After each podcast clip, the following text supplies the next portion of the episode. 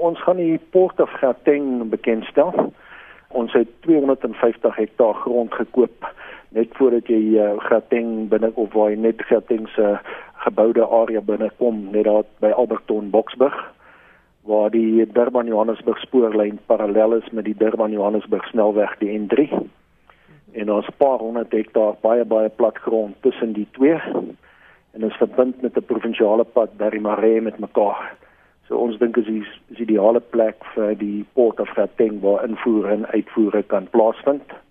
Waar dit die mees ekonomiese is, die kortste vervoerafstande is en waar hierdie massiewe groot monster warehouses die goedkoopste gaan wees omdat die grond baie plat is, daar hoef nie veel uh, grondwerke plaas te vind nie. So, jy praat nou van die Port of Gauteng. Gauteng natuurlik lê nie naby 'n uh, hawe nie. Wat presies gaan hierdie doen? Dit gaan 'n binnelandse hawe wees. Die Engelse woord daarvoor is 'n dry port. Dit is waar mens van ry van spoor na pad toe kan oorskakel maklik of van pad na spoor toe kan oorskakel waar daar treinterminaal kan wees vir containers waar containers vinnig op en afgelaai kan word en na die pakhuise toe gestuur kan word. Het ons nog so iets nodig? Het ons dan nie klaar hawens en treinspore en daai stelsels nie? Ons het hawens langs die kus. Ons het nie regtig 'n binnelandse hawe in Suid-Afrika nie. En uh van Gauteng af tot by Lubumbashi daar in die DRC bly seker 75 miljoen mense wat nie aan die see gekoppel is nie. En uh daar is City Deep in KwaZulu Hulle is 50 jaar oud omtrent. Hulle is nie op die regte plek gebou daai tyd nie. Toe hulle gebou is, hulle daai tyd naby die Johannesburg se CBD gebou. Johannesburg se CBD is nie meer wat hy in 1977 was nie. So daar's 'n nuwe, vinniger, beter een nodig. Hoe gaan hierdie nuwe een die vervoer en verspreiding van goedere verbeter? Man, omdat ons baie unieke stuk grond het, ons het 2,2 km grond langs die Durban Johannesburg spoorlyn en die uh, gradiënt op die grond is maar 10 meter. Dit is van die platste grond wat jy in Suid-Afrika kan kry en is reguit. Kan ons 'n baie unieke terminaal bou waar jy kan containers oplaai en aflaai op 'n trein waar jy die treine van Durban na Johannesburg is 750 meter.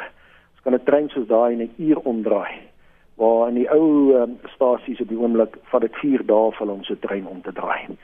So nou moet jy weet hoeveel minder waans het jy nodig, hoeveel minder uh, rolling stock soos wat hulle sou sê in Engels het jy nodig. So kostes word bespaar, tyd word bespaar, ja. So dit potensieel uh goedere goedkoper kan maak vir verbruikers. Beslis. Logistiek in Suid-Afrika so 13-14% van die totale koste. Wêreldwyd is dit 10%.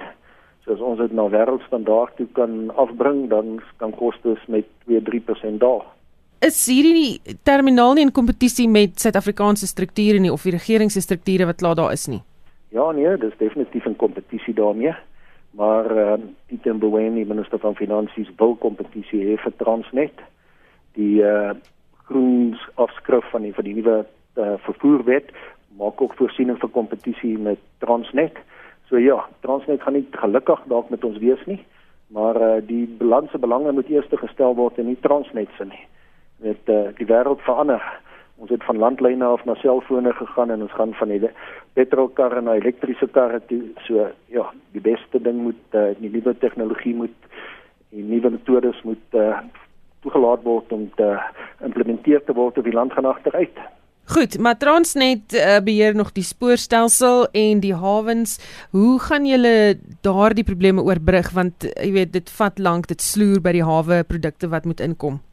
En daaraan kan ek nou ongelukkig niks doen nie. Daar's drie bene om die goederes in en uit in Gauteng te kry. Dis die twee terminale, die een, een in Durban en die een dan in Gauteng en die spoorlyn in die middel.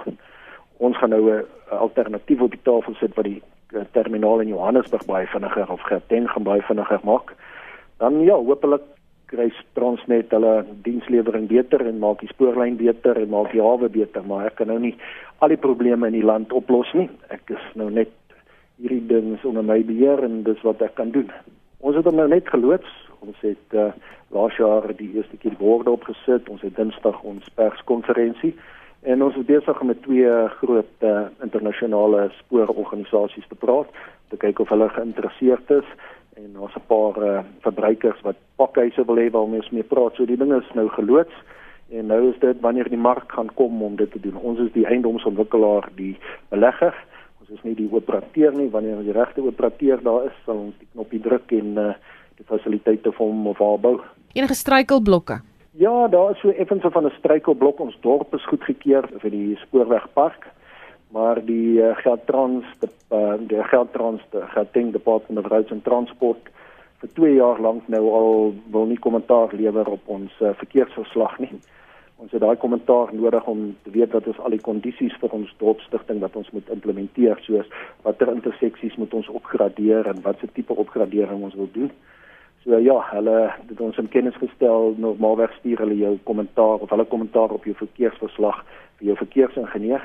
Hulle het ons in vir die staatsprokureur gestuur omdat ons in kompetisie is met die staatssin en omdat ons 'n uh, regsaksie gelon uh, in in werking gestel het teen die uh, staatse beplande terminaal wat hulle in daai deel van die wêreld wil bou. Hulle hou ons so 'n bietjie op, maar uh, dit sal moet gegee word een of ander tyd en dan sal ons implementeer wat hulle sê ons moet implementeer.